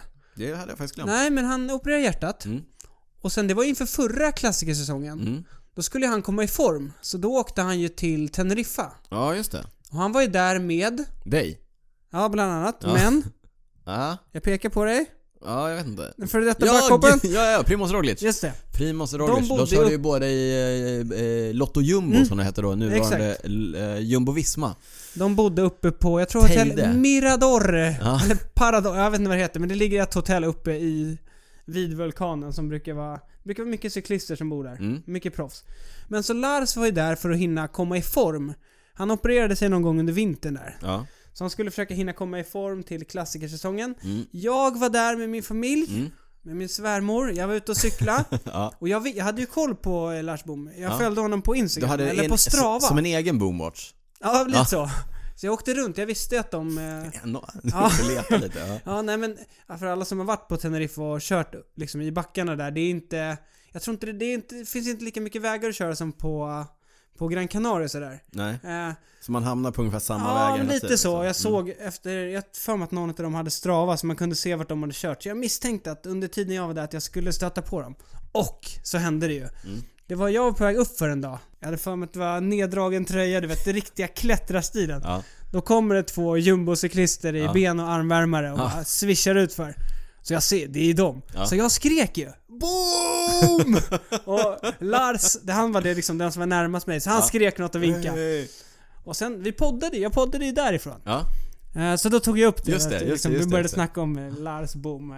Och sen dess har det ju liksom... Resten är som man brukar Ja. säga, historia. Men det som, det roliga är ju att Lars Boom är, man kan säga att han har lite humör. Ja. Han, Ja, det... under, under tiden vi har följt honom så har det hänt lite Ja, grejer. Han har ju slagit någon och... Ja, det har, Han är- varit, det har hänt lite grejer. Han är, men han är ändå värd att följa tycker Mm. vi. Och nu då, eh, veckans Boomwatch har ju Ja. varit, eh, det är inte bara vi som har haft koll på det Nej. vi tycker det är så sjukt roligt. Ja, Därför att vi ser att när Lars gör väl ifrån sig i klassikerna, då är det ju supermånga Mm. som hör av sig till oss eh, via våra olika kanaler och säger Åh, ni sett vad Lars har gjort och så vidare. Och det han gjorde nu, det var ju att han körde riktigt, riktigt bra Ja. i en av de här öppnande vårklassikerna. ja, men för att återkomma till det förra året. Han han ju aldrig komma i form, så han körde ju inte Nej, klassikerna det. förra året. Så att det här blir ju... Och så nu har han bytt lag, nu kör han i Romport Charles. Lite mindre lag, Ja, ja. ett eh, holländskt lag. Mm. Men i år verkar han vara i form. Mm. Så nu var han och körde då Lysamin. Han körde de andra också, men Lysamin körde han. Och eh, de hamnade i, på slutet där.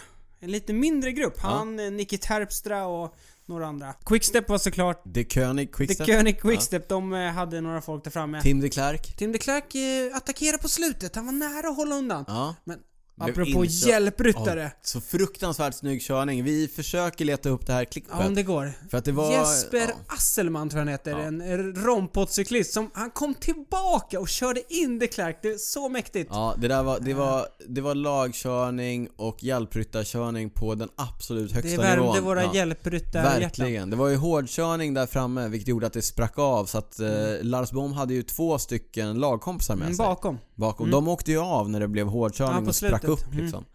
Men, men så blev det avvaktande körning i gruppen när Tim de Klerk attackerade och ingen ville riktigt ta Ja, det. det Det, var bara som att de, de En och en halv kilometer kvar. Mm. Då trodde man att Tim skulle hålla. Men då när det slog av i den gruppen, då kom ju hjälpryttarna tillbaka. Asselman kom tillbaka. Och Återanslöt till gruppen. Rakt utan upp. att tveka. Utan att tveka. Det Ja. finns ingen liksom, Nej. han vet exakt vad han ska göra. han vet vem som är kapten också. Han går fram, han, går fram han, han sätter sig i spets på gruppen utan att blinka, Ja.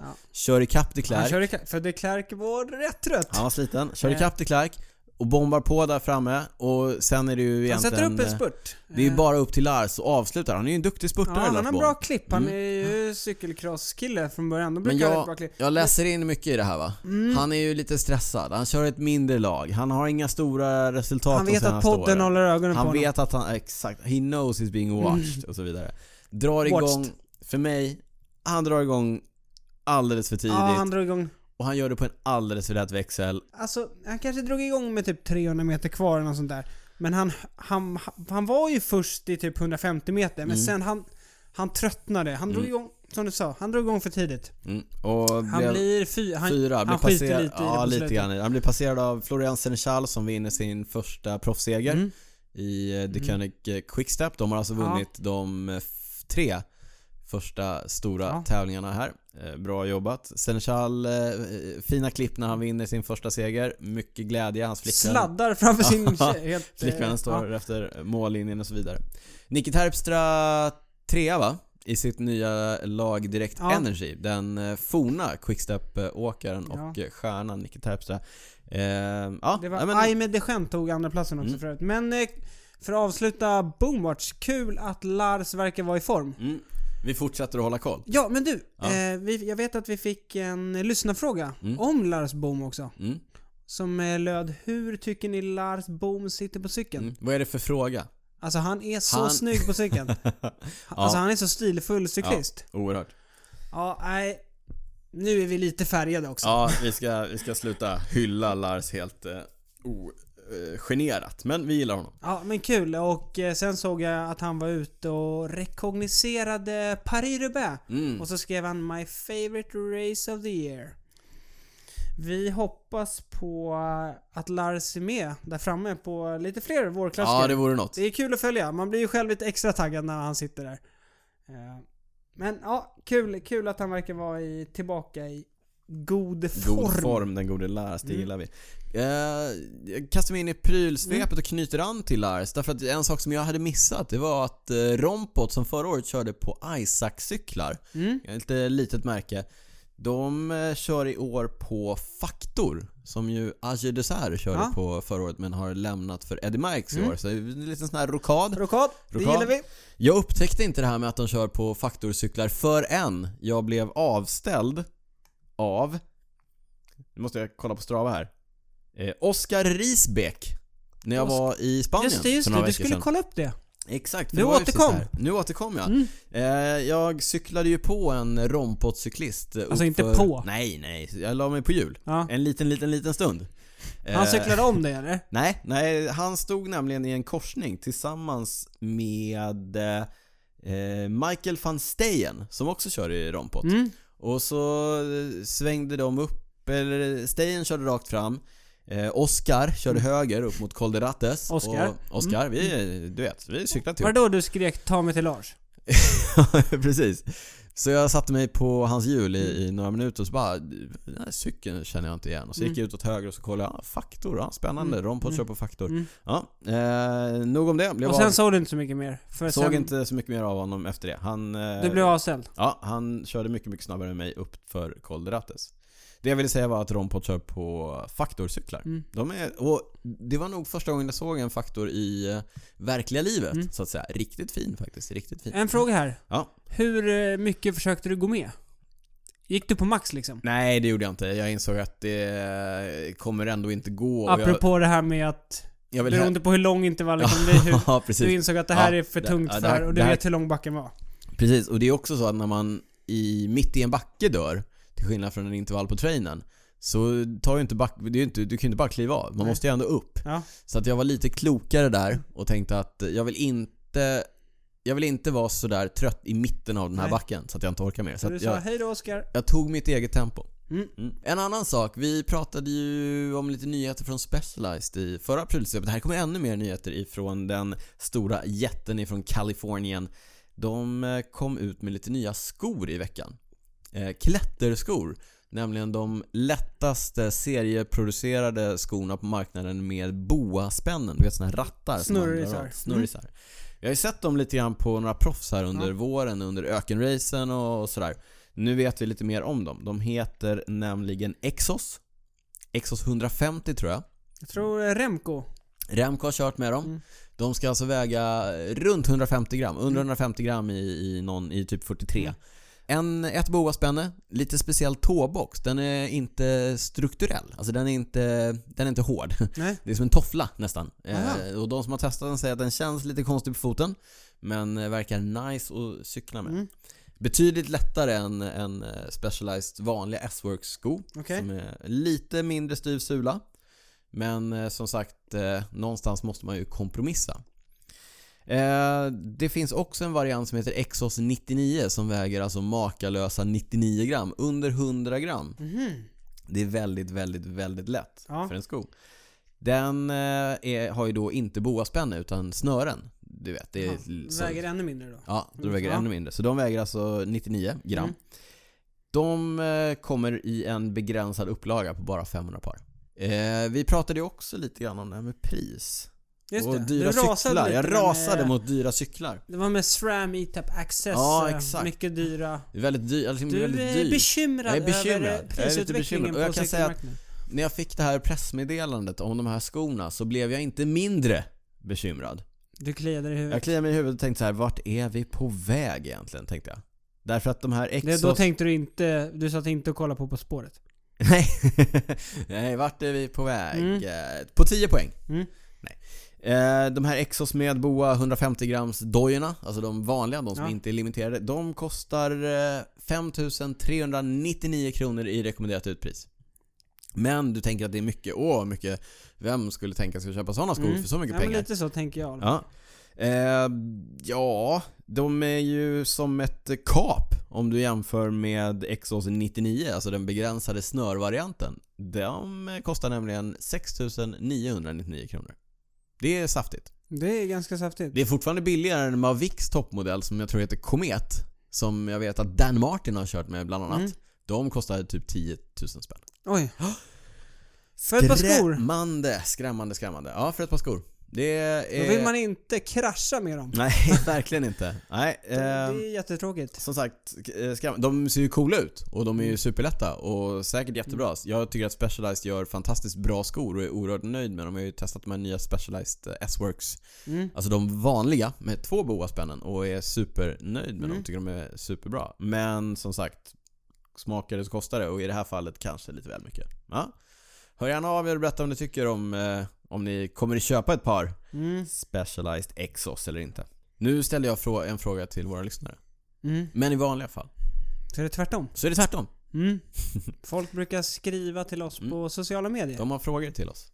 Eller vi brukar skriva Vi brukar och be fråga dem, om ja frågor. uppmanar precis och sen blir det en härlig rundgång i allt här. Men eh, för varje gång vi ställer så ju mer frågor får vi och det Mm. tycker vi är superkul att Mm. så många har funderingar. Och, Mm.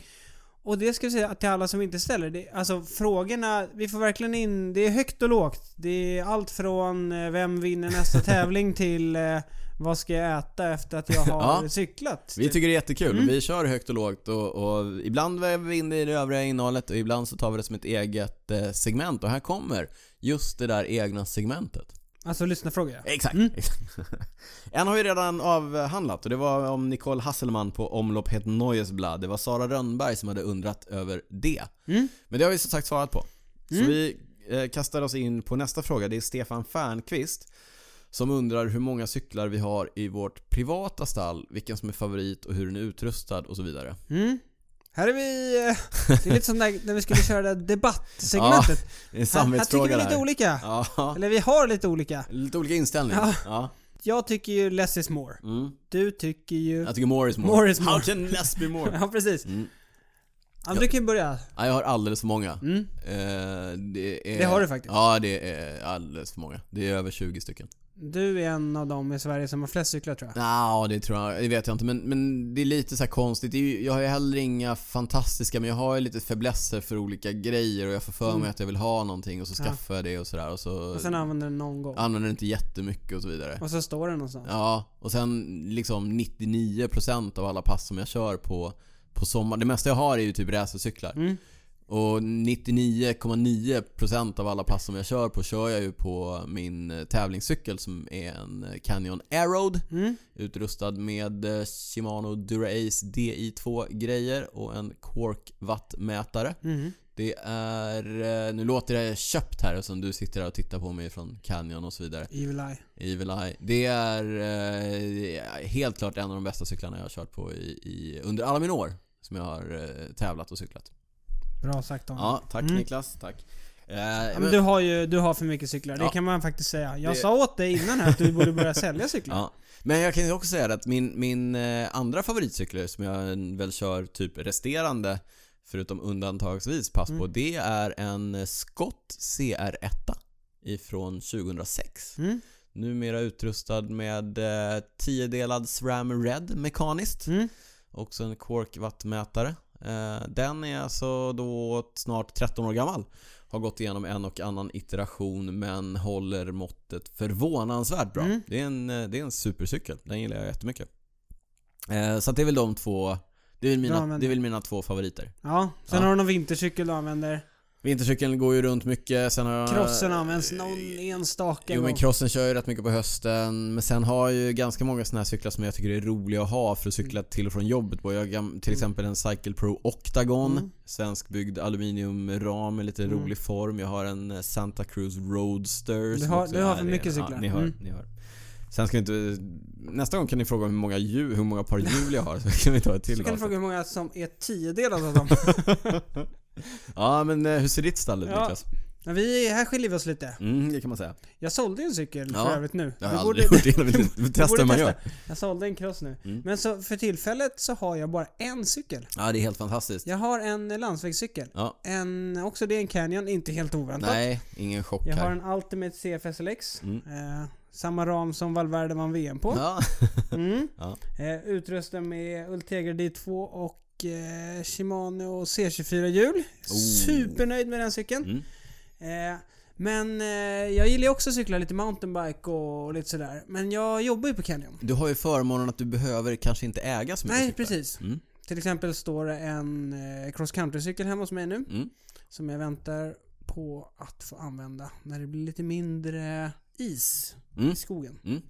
Eh, men så jag brukar eh, låna lite cyklar från jobbet. Ja men du kanske kan låna hem en eh, mountainbike till mig så kan vi dra ut i skogen. Så jag slipper använda någon av mina egna, de är så gamla och Ja. sletna. Kanske det. Ja, Kanske det. Det var en lång utläggning, ska vi bränna av några snabba? Mm. Vad tycker vi om det nya landslagskittet? SCF har nämligen gått ut idag och visat sitt nya landslagskit som de har tagit fram i samarbete med Pearl Izumi. Pearl Vad tycker du? Eh, jo men jag tyckte det var helt okej. Mm, vi lägger ut en bild på det på cykelwebben.se. Jag tyckte att det var, jag tyckte det var jättesnyggt. Det är, det är nu jag ska försöka förklara hur det ser ut.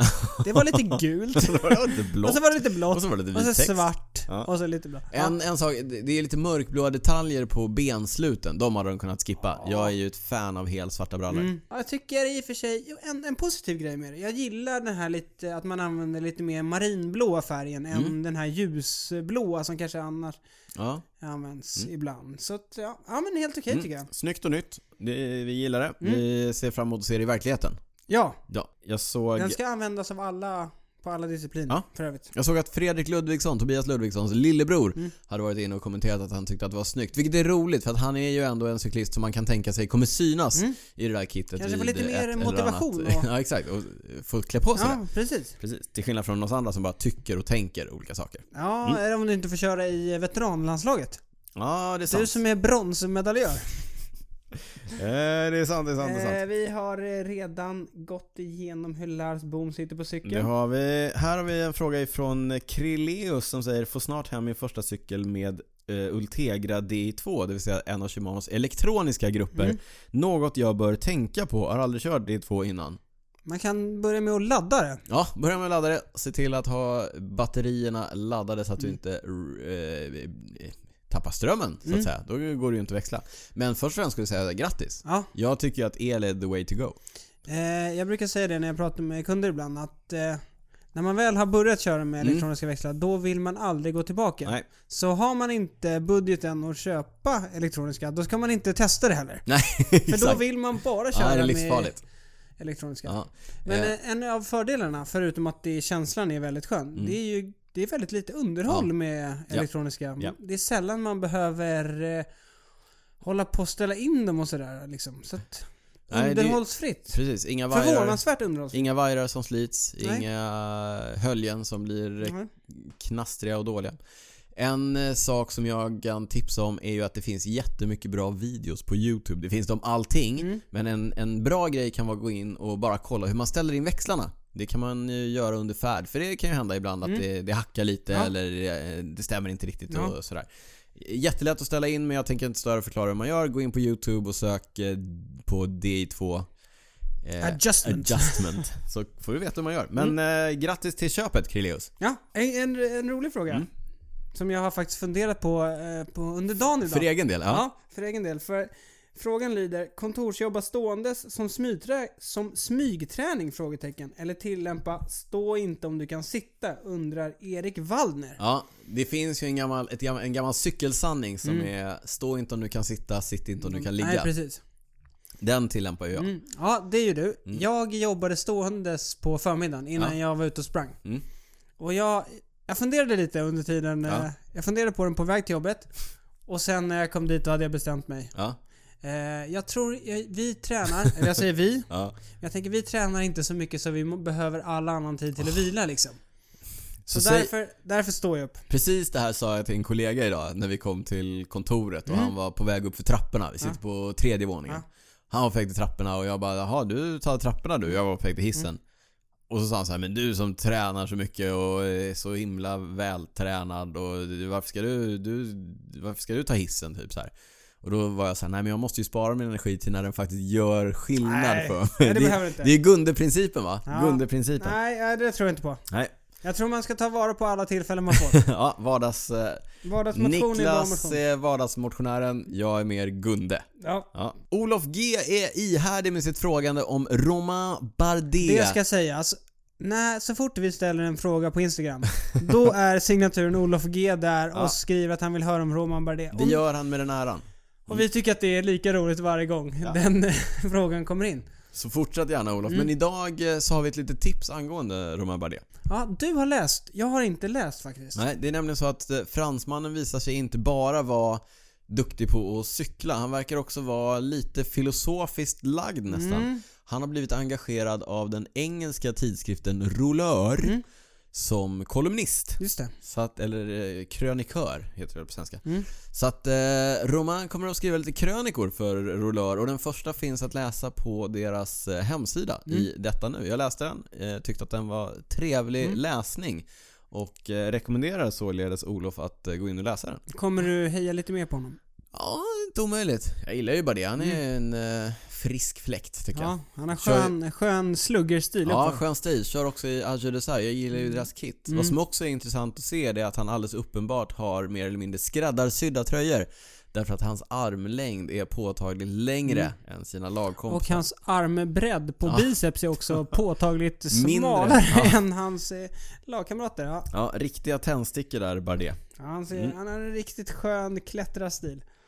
Ja, jag får läsa den. Mm. Min kompis Jakob har skrivit. Ja. Tyckte jag var kul. Mm. Han undrar om det är några klassikerlopp, historiskt sett, som Mm. man borde youtuba nu som uppladdning inför eh, vårklassikerna du har pratat om. klassiker. Ja, Det finns ju hur många som hur helst. många som helst. Vi kanske lägger lite länkar på cykelwebben.se. Men Ska vi ta några... vi tar några favoriter. Du har ju en favorit. ja, det är I, löjligt. I hyfsad Ja, närtid. vi pratade om den eh, senast, eh, vi pratar om den ofta. Det är ju Het Noisblad 2015 Mm. när Ian Stannard på egen hand eh, tvålar dit tre stycken quickstep-cyklister på ett eh, uppseendeväckande sätt. Tom Bonen, Tom Nicky. Terpstra, Stein Vandenberg, som numera kör i Asher de Salamone. Tillsammans med Bardet. Mm. Ja, nåväl. Den är, den är sevärd. Jag tycker förra årets eh, Strade Bianche också är Mm. fantastisk att titta på. Det finns på riktigt Mm. hur mycket som helst. Jag, eh, när, jag sa ju att jag körde lunchrullar här när jag Mm. körde åttorna. Då drog jag på Flandern från, jag tror att det är två år sedan, när eh, Philippe Gilbert går solo från typ med 55 Mm. kilometer kvar. Mm. Det är också rätt häftigt. Men inte så kul att se en ensam Philip Gilbert Nej men, 55 men det är kul att se eh, jakten. Ja, det är sant. Det är sant. Ja. Vill man se cirkuskonster och gladiatorspel då kan man ju eh, googla sig fram till, eller youtuba sig fram till eh, vår klassiker från ja, runt millennieskiftet. Då kan man säga att cykelåkningen såg lite annorlunda ut beroende på, ska vi kalla det, medicinska omständigheter. Apropå doping. Apropå doping. Mm. Nej, det är, det är därför jag också har gått omkring och sagt att jag tror att cyklingen är renare. Därför att om man bara tittar på hur de körde Ja. då och hur de kör idag så är det alldeles uppenbart att det är någonting som skiljer sig här. Mm. Men ur ett underhållningsvärdesperspektiv så kan man inte Mm. riktigt avfärda de där gamla klassikerna från eh, 98, 99, 00 någonstans. Vi, eh, som sagt, lägger lite länkar på cykelwebben.se. Ja, Sista frågan då innan vi eh, börjar avsluta det här ja det känns som jag har på ett bra tag Mm. eller? Hur tar jag nästa kliv med cyklingen? Undrar Jon Blomqvist. Jon, som just nu ägnar sig mest åt mysrundor sommartid. Han cyklar inte nu. Nej. Nej. Och det, men det är ju frågan så här, vad är nästa kliv? Vad vill du med cyklingen? Vill du eh, köra mysrundor så är det väl ungefär det. Men om man Mm. vill bli lite bättre, Ja, då, då är det den här gamla klassiska va? Du måste ju ta dig utanför din comfort Ja. zone. Mm. måste våga ta ut sig. Ja, och det handlar ju om att kanske ta ut sig. Mm. Och det kan man göra på olika sätt. Antingen kör man hårdare, eller så kör man längre. Eller så Men- kombinerar man båda. Men ett bra tips här, jag, nu vet jag inte hur det ser ut, hur mysrundorna, han kanske är ute och cyklar själv så, men Mm. kolla om det finns någon cykelklubb i närheten. Ja, Börja cykla med lite andra. ja, Då eh, blir man kanske taggad och så kan man vara med på lite olika träningar och verkligen. sådär. Verkligen. Vi har fått, jag har fått en annan fråga ifrån, som jag kommer att, knyta an till i nästa avsnitt. Mhm. Som handlar om hur jag började tävla. En cliffhanger alltså. Ja, en cliffhanger. Mm. Hur ser det ut när man börjar tävla? Och det kan jag ju säga att det hade jag ju aldrig gjort om jag inte gick med i en cykelklubb. Nej. Jag brukar ju prata mycket om det här med cykelklubbar, men det är för att jag tycker att det verkligen finns ett Mm. värde där.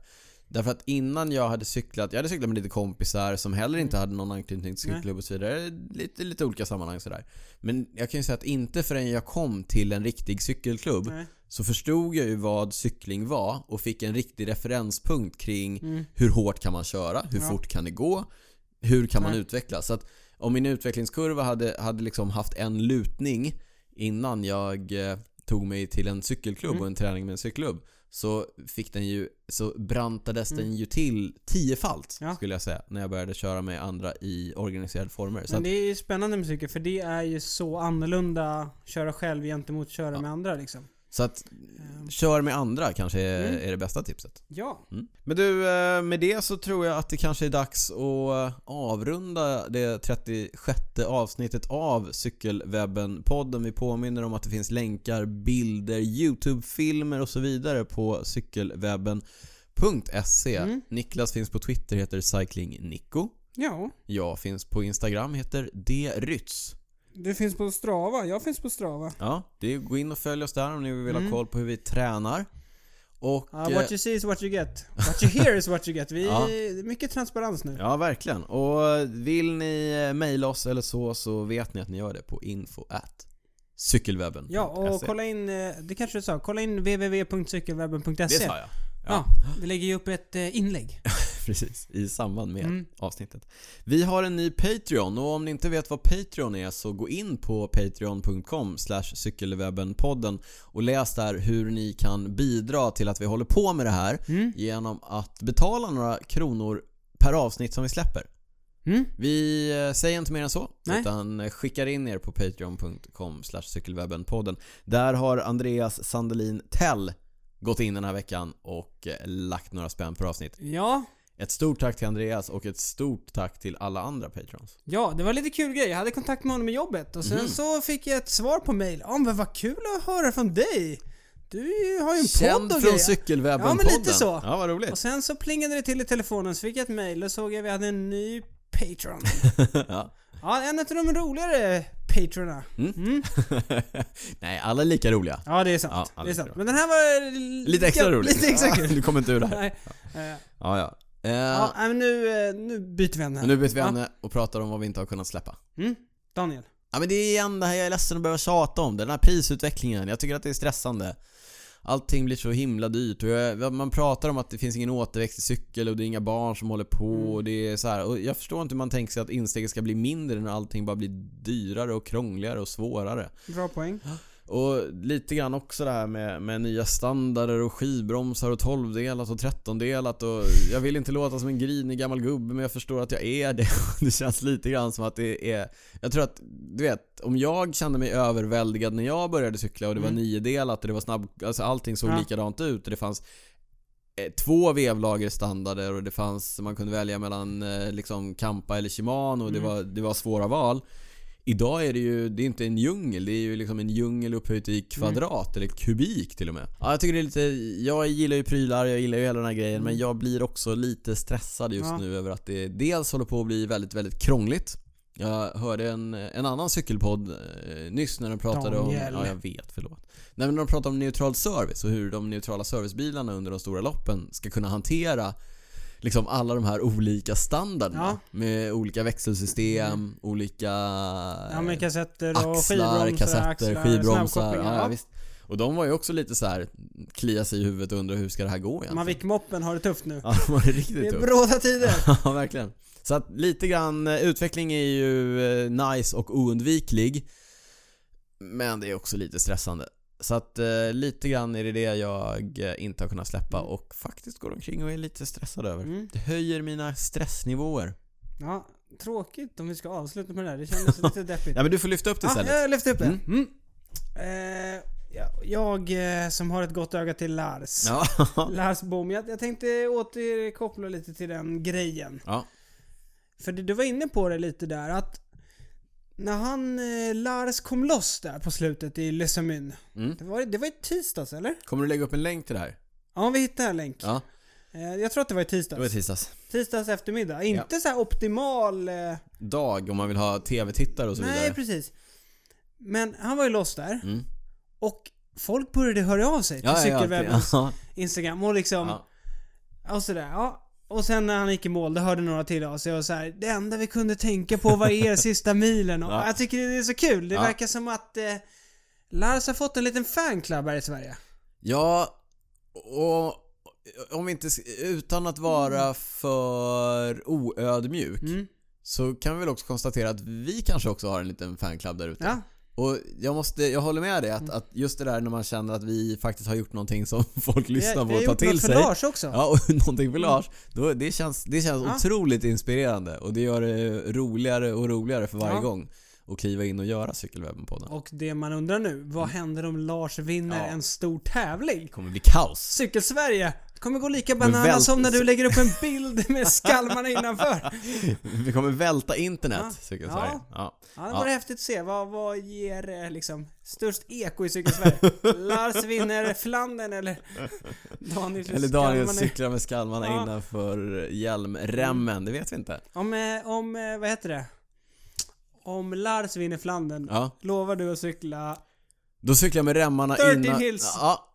Då cyklar jag 13 hills med remmarna innanför hjälm... eh, Eller vad säger jag? Med eh, glasögonskalmarna Ja. innanför hjälmremmarna Ja. utan att blinka. Nu håller vi Nu håller vi lite mer på extra tummarna. Ja. Ja. Nu, samtidigt som vi håller tummarna lite extra för Lars så säger vi jättetack för att ni lyssnar.